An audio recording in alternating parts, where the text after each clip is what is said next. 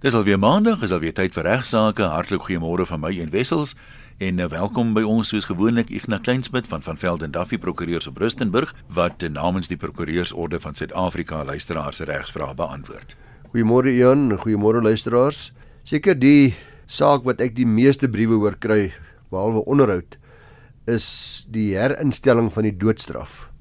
Ons kry skrywers van luisteraars wat voor die voet, dit wil sê 100% almal is tot die strekking dat die doodstraf weer heringestel moet word in Suid-Afrika, dat die afskaffing daarvan een van die groot snellers is vir die verhoogde misdade en veral dan die moorde wat ons in Suid-Afrika het wat ons elke dag van lees en hoor. Nou uh ek het aan 'n vorige programme gesê dat die afskaffing van die doodstraf en die grondwet se bepalinge daaroor is baie duidelik en aangedui dat dit uh duidelik is dat die doodstraf nie gevolge ons grondwet enigstens aanvaarbaar is nie. Dit word in baie duidelike terme uitgespel, maar die vraag is moet ons dalk die FSA se voorbeeld volg? Want uh, dit is interessant om te meld dat die regering in die FSA slegs 3 mense tereggestel het. Sedert 1988 en die laaste een wat inderdaad tereggestel is was in 2003 dit wil sê 16 jaar gelede. Nou nou iets baie interessant. So gemiddeld 1 in 10 jaar. Ja. Op federale vlak of dan nasionale vlak is daar bevind uh, in 1972 in Amerika dat die doodstraf ongrondwettig is maar luisteraars is weer heringestel in 1988, maar net vir sekere beperkte misdade. Nou uh die omskrywing van hierdie misdade is toe in 1994 'n bietjie weier gemaak toe die federale uh doodstraf weer eens goedgekeur is in Amerika deur die daarstel vir 'n nuwe wet, die federale doodstraf wetgewing. Soos ek gemeld het, nie tenstaan aan die feit dat dit federale vlak goedgekeur was vir ongeveer 60 misdade. Is die doodstraf net 3 keer uitgevoer in die moderne era. Die laaste persoon in Amerika die doodstraf gekry het was Louis Jones Jr. nadat hy in Texas 'n vroue soldaat dan Tracy Joy McBride verkrag en vermoor het. Nou luisteraars vra soms kom daar in Suid-Afrika 'n volksstemming gehou word hieroor nie, 'n referendum nie. Want die algemene gevoel is dat 'n groot meerderheid in Suid-Afrika ten gunste is van die herinstel van die doodstraf. In Amerika terloops was daar sulke stemreferendums gehou uh oor tye In die mees onlangse meningsopname 'n paar jaar gelede is daar bevind dat 56% Amerikaners die doodstraf ondersteun vir moord, net vir moord, teenoor 41% wat sê dis vir enige misdaad onaanvaarbaar en slegs 3% wat buite stemming is. En die vraag is wat sal ons in Suid-Afrika in 'n referendum doen? Sal ook dalk 56-41 wees? Ek weet nie. Op Donderdag 25 Julie daar toe 'n baie interessante ding gebeur, 'n paar maande gelede. 2019 het die Amerikaanse Kongres met 'n meerderheid daarvoor gestem om weer vir die eerste keer sedert 2003 gevangenes tereg te stel wat die doodstraf opgelê is vir federale halsmisdade. Albei huise van die Kongres het dit goedgekeur en uh, hierdie gevangenes se doodstraf is reeds gereël vir Desember hierdie jaar in Januarie 2020. Hoekom so ver vooruit? Dis maar beplanning wat seker moet gebeur hoe dit wat presies die die uh, proses is en die logistiek is weet ek nie. Dis moontlik gemaak deurdat albei huise wetgewing aanvaar het En hierdie wetgewing is dan uh, onlangs deur Donald Trump onderteken. Maar dit is belangrik luisteraars om te verstaan dat in Amerika in hulle regstelsel kan strafsaake of in federale howe, ons praat nou hier van federale howe. Hierdie besluit is 'n federale besluit. Dit beteken dit is 'n nasionale vlak. Dis die hele Amerika, die nasionale regering. Maar dit kan ook natuurlik strafsaake word meestal aangehoor uh, in die state, die deelstate waarin dit gepleeg is in daardie howe. So die staats deelstaat howe. 'n Paar misdade word deur federale wetgewing outomaties op nasionale vlak hanteer. Dis byvoorbeeld misdade teen die staat self. Verstaan 'n mens? Of misdade wat oor staatseiendom gaan. Die meeste misdade in Amerika word egter in elke afsonderlike staat self bereg, nie op federale vlak nie. Soos ek gesê het, is vyf gevangenes nou doodstraf gaan doodstraf kry, almal op federale vlak. En is hierdie beslissing op die nasionale vlak van toepassing om nie op die 50 deelstate nie. Goed. Doodstraf word tans nog in 30 van Amerika se 50 state toegelaat, baie interessant, terwyl 3 deelstate 'n moratorium daarop geplaas het. By verreweg die meeste teregstellings in Amerika vind dus plaas op die staatse vlak, die die deelstate se vlak en nie op nasionale vlak nie. Dis ook waar dat al hoe meer state een na die ander, dis nogal interessant om daarna te mooi te luister, hoor wat ek sê, een na die ander besluit om doodstraf af te skaf. Daar was eers 'n ander tendens 'n klomp jare terug, die tendens het nou omgeswaai. Hulle staat nou skaf een na die ander af. Uh van die state waar dit nog steeds aanvaarbaar is, byvoorbeeld Kalifornië, Texas, Florida, New York, Alaska, Washington, uh ensovoorts uh is dit nog nie afgeskaf nie, maar baie interessante argumente word telkens geopper wanneer 'n staat besluit om wel die doodstraf af te skaf. En ek probeer nou maar vir ons luisteraars vertel waarom dit ook nie so maklik is of nie nie noodwendig altyd die regte ding is nie.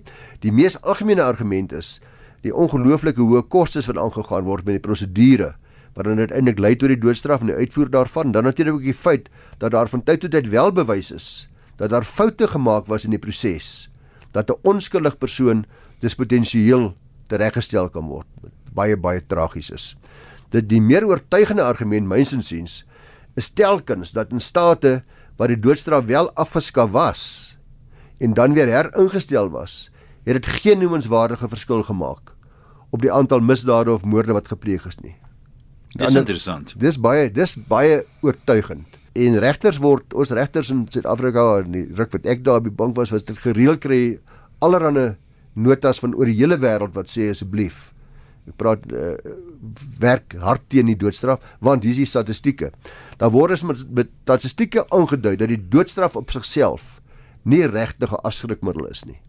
Dis ook vir my uh, baie interessant dat die regters op die Amerika op die Amerikaanse regbank ook baie verdeeld is oor die doodstraf en veral ook hoe dit bloot uitgevoer moet word. Net die uitvoering daarvan het, uh, is 'n groot uh, geskilpunt. Die doodstraf en daar word uitgevoer deur 'n dodelike inspuiting. En daar's regters wat sê dat dit onverzoenbaar is met die 8ste amendement, die 8ste Amerikaanse amendement uh van hulle grondwet. Donald Trump het egter nadat hy president geword het, twee regters aangestel. Ons so ons so doen dit te verseker dat daar 'n konstruktiewe meerderheid in, in die Amerikaanse Hooggeregshof is wat pro doodstraf is. En is daar nog geen aandui gegee dat hulle dink die doodstraf is ongrondwettig nie hierdie deur hierdie twee nuwe manne nie. Uh volgens die media is daar nou op die oomblik 62 gevangenes in Amerika in dodestelle. Soos ek gemeld het, die meeste daarvan hierdie onderskeie state ter dood veroordeel en nie op federale vlak nie. Onder hulle is ook byvoorbeeld uh, meneer Tsarnev, die man wat die Boston Marathon bom geplant het. Hy sit nog hmm, steeds mm, in die tronk. Dit, ja. Nog steeds verhoor daar. Lank terug al, né? Ja. Van 2003 af soos ek sê was daar nog niemand regtig tereggestel nie. Maar hierdie ou sit nog steeds daar. Daar's ook uh, kritisie wat nou wat uh, die 25 Julie beweer dat hierdie besluit van die Amerikaners van die twee huise nou om nou die doodstraf weer in te stel, dit suiwer rassisties van aard is. Dat die doodstraf ook 'n rassistiese ondertoon het. As jy kyk na wie die 62 gevangenes in die doodselle is, dat daar makliker doodstraf aan ander gegee word vir swart uh, beskuldigdes. In Amerika is ongeveer 41.9% swart en 46.3% wit van die wat verhoor afwagtend is uh, vir doodstraf. 11.3% is Latyns-Amerikaans en uh, eh, 1.6 Asiërs en Amerikaanse boerlinge. Alhoewel die meerderheid is dis duidelik nie wit nie. Net vir interessante sosiale luisteraars, die vyf wat nou tereggestel gaan word in Desember en Januarie is meneer Daniel Lewis Lee, 'n wit man uh, wat 'n meisie van 8 en twee ander gesinslede vermoor het en uh, hy sal tereggestel word as niks snaaks gebeur nie op 9 Desember hierdie jaar. Dan is daar Nesmond Mitchell, 'n Amerikaanse Indiaan wat 'n 63-jarige ouma doodgesteek het en daarna toegelaat het dat haar kleinkind saam met die lijk reis per motor en toe na die reis die kind se keel ook afgesny het. Dan is daar Wesley Perky wat 'n tiener verkragt en vermoor het. Vierdens is daar Alfred Bourgeois wat sy dogtertjie eers seksueel gemolesteer het, sy eie kind en toe doodgeslaan het. Dan ook laastens Dustin Halken wat vyf mense insluitende twee kinders doodgeskiet het. Nou luisteraars, uh, wie weet wat gaan gebeur met ons grondwet as daar 'n stemming, 'n referendum is. Onthou net, ons grondwet kan net verander word met 'n 2/3 meerderheid in die parlement en miskien sal aan mettertyd geswoeg word onder die druk van talle Suid-Afrikaners, ook politici wat vra dat ons 'n referendum of 'n gevolgstemming hieroor moet hou om te sien wat die mening van Suid-Afrikaners is. Maar soos ek sê, is nie net swart en wit, jy sien net sommer ja, dis goed of ja, dis sleg nie. Baie mense sien dit as 'n quick fix. Ja, dit dit dit is beslis nie dit nie. Daar's daar's is die regte woord is nie dit nie. Ek wil net vra wat dit betref, uh mense doen nie statistiek daaroor nie, maar dis 'n vraag wat ek dink relevant is hier. As 'n mens nou die mense wat ter dood veroordeel is in die state wie dit kan doen, uitdruk as 'n persentasie van die wat kom ons sê aan daai misdade skuldig bevind word, waarvoor jy die doodstraf kan oplê, sê net maar moord. Nou wonder jy mense hoeveel dit is, want kyk as jy nou na Suid-Afrika ja. kyk, destyds toe die doodstraf nog van krag was, uh, as ek reg onthou, as daar nie versagtende omstandighede was nie, was dit 'n verpligte straf. Juis om die regter nie 'n diskresie te gee dat hy nou voel hy's nou verantwoordelik vir die ou se dood nie. Dan moes hy die doodstraf oplê. Ja. Tog is daar baie baie baie mense aan moord skuldig bevind en die doodstraf was eintlik maar die uitsondering. Ja, ek dink uh, jy's reg, uh, Ian. Onthou nou dat selfs in 'n in 'n in die apartheid stadium en ek het baie baie gesit as assessor saam met regters by daardie stadium, maar die balief van elke dorp is dikwels gevra om saam met die rond regters wat rondgaan is nou maar assessore te sit. En uh die meeste regters sê dan wanneer die daar 'n moontlikheid is van doodstraf, het hy seker gemaak dat daar twee assessore saam met hom of haar sit. En my indruk was altyd dat daar agteroor gebuig word deur die meeste regters. Ons het baie keer regters gekry wat sê dis die hanging judge, jy weet. Ja, term kino so ja. ja, daar's 'n paar name wat uh, wat almal geweet het dis die hanging judges, maar oor die algemeen het dit uh, meer dikwels gebeur dat daar wel omstandighede gevind is uh, wat die regter geoorloof het om van die doodstraf af te wyk.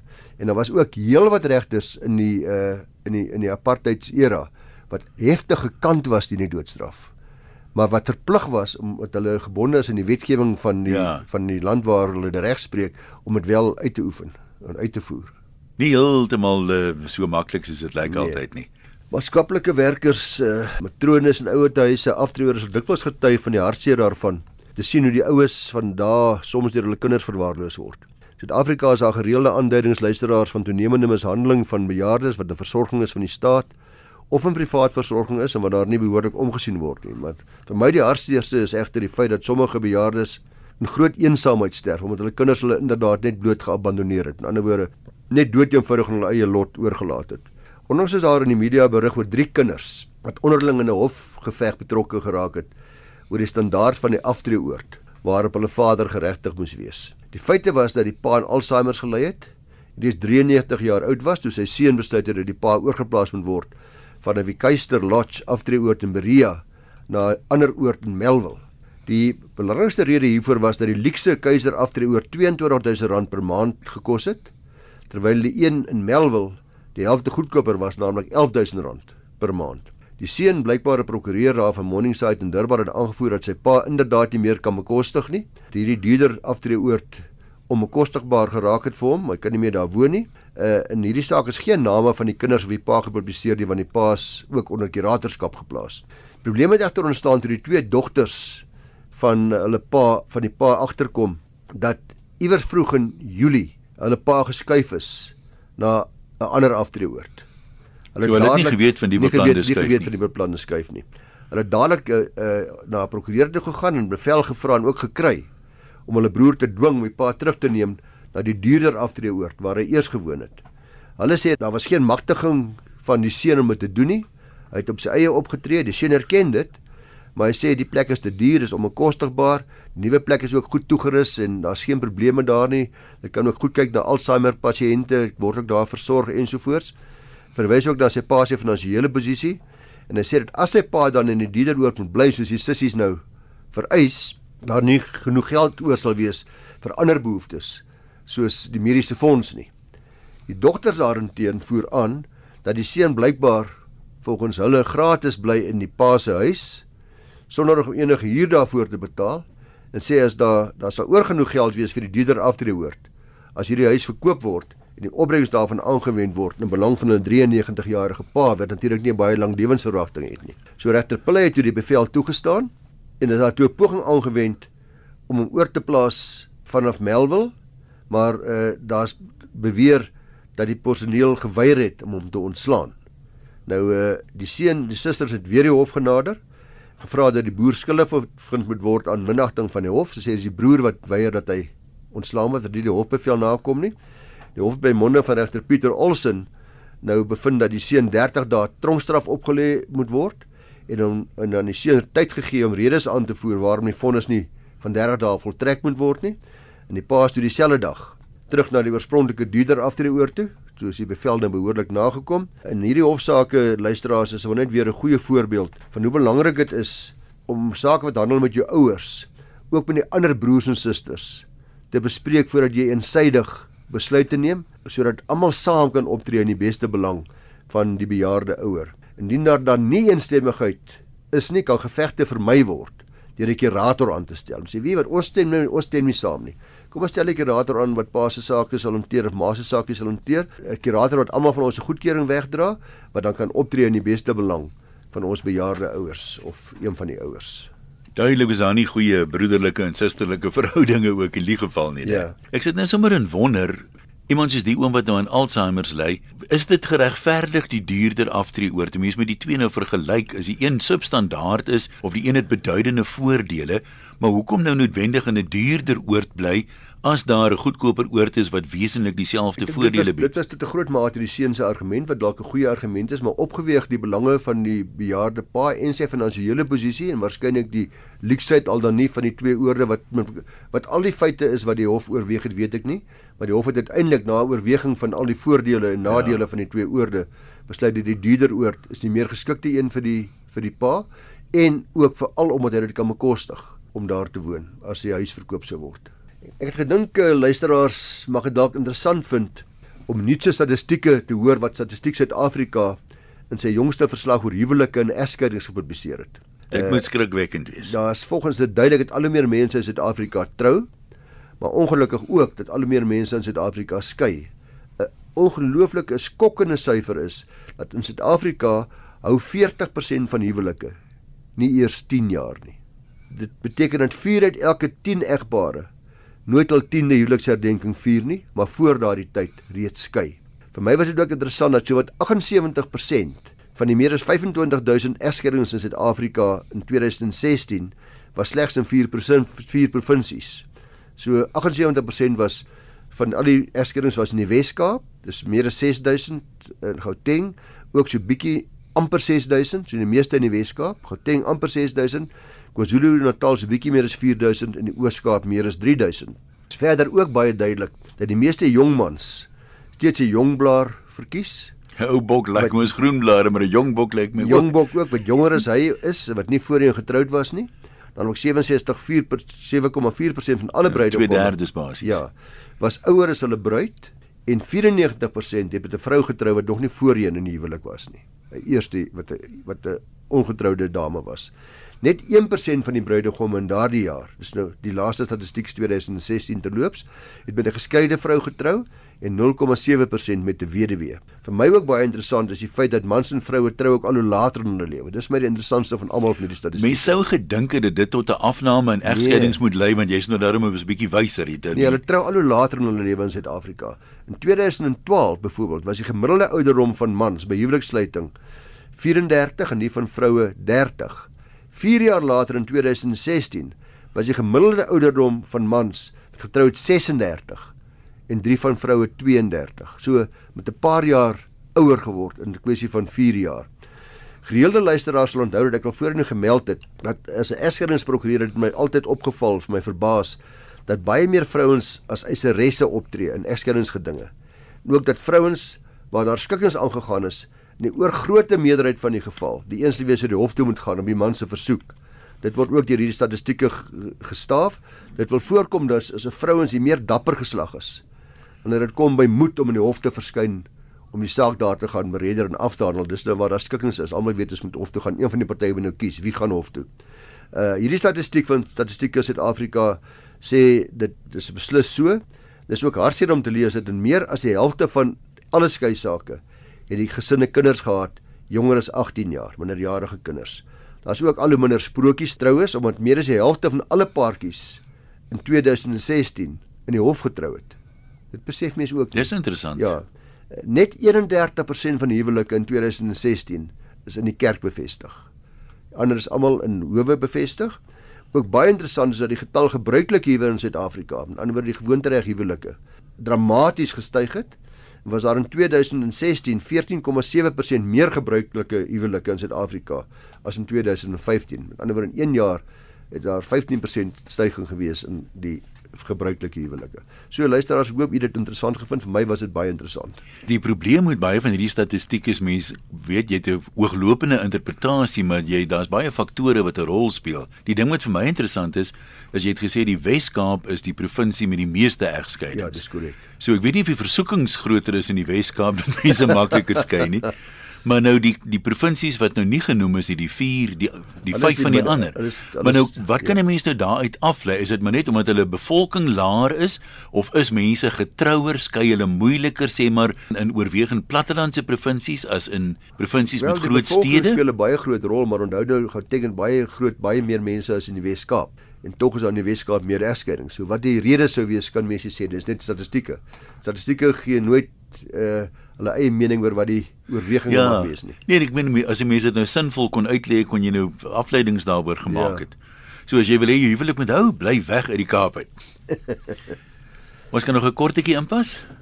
Ek kry 'n skrywe van Alida Jansen oor egskeiding. Sy vra as ek geen kinders in huwelik gehad het nie, geen onderhoud of goedere eis nie, kan 'n mens 'n egskeidingsbevel kry as ek geen adres van die man het nie.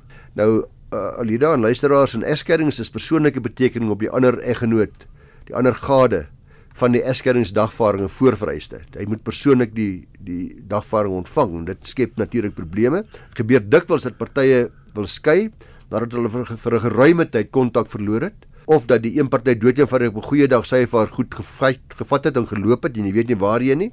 Uh so kan nie skei nie want die adres is onbekend, presies wat die dame vra. Nou gelukkig is daar in die egskeidingsreg 'n plan gemaak in ons wetgewing.